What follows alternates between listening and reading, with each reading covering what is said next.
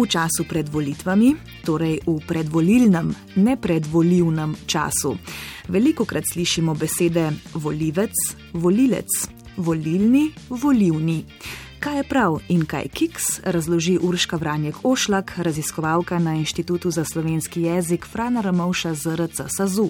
Torej, glede dileme volivec ali volilec je v pravopisnih pravilih slovenskega pravopisa 2001 v členu 946 zapisano takole. Priponsko obrazilo lc ima prosto varianto vc, če je na koncu korena l ali lj. Se sliši zapleteno? Brez skrbi, razložimo. Zveza prosta varianta v tem primeru pomeni, da lahko izbiramo med eno ali drugo pisno različico. Torej, iz glagola voliti tvorimo volivec ali volilec, iz ponavljati ponavljavec ali ponavljalec. Podoben primer je še upravljalec in upravljavec iz glagola upravljati.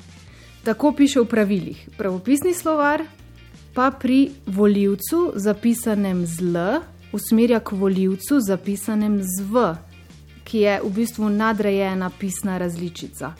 Slovar je tako v bistvu bolj naklonjen različici zapisani z V.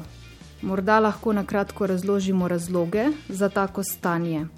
In sicer je pravopis iz leta 1962 nekako paušalno določil zapis vseh teh tvorjenk s pripono lc ali vc, le z v, naprimer bravec, rivec, brisavec in podobno.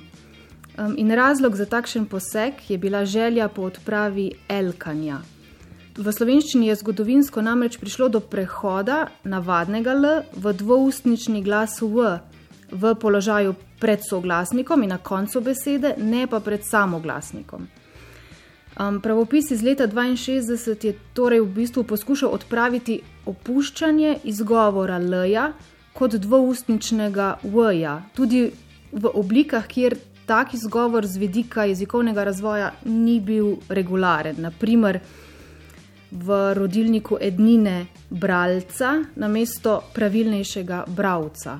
To določilo iz pravopisa 62 je bilo eh, kasneje ukinjeno, vendar pa je postilo določene sledi in naprimer že omenjeni napotek iz slovenskega pravopisa 2001 o izbiri obrazila vc, kadar sledi osnovi, ki vsebuje L ali L. Pravopisni slovar torej priporoča različico z v, volivec. Sta pa kljub temu oba zapisa pravilna.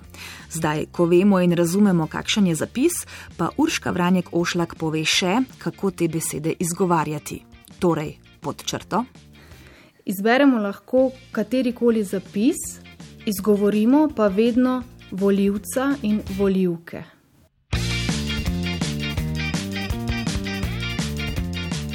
Dobro, pa potem eh, preveriva še, kako je s pridevniki, ki jih tvorimo um, iz tega samostalnika, recimo volilna ali volivna enota. Eh, pri pridevniku volilen je stanje na srečo malo manj zapleteno. Um, saj pravila v členu 953 določajo, da tvorimo pridevnike iz glagolov, večinoma z obrazilom ilen oziroma alen, Le kadar jih tvorimo iz korena na samoglasnik, uporabimo obrazilo ven, naprimer greti, greven. Rečemo in zapišemo torej volilni mok, saj je izgovor L-ja pri pridevnikih na ilen in pri tvorjenkah iz njih zmeraj L, ne dvoustnični V. Tudi volilna enota. Tako, volilna enota. Pri pridevnikih je torej bolj enostavno, zapis in izgovarjava sta enaka in sicer s črko L, naprimer volilni mok ali volilna enota.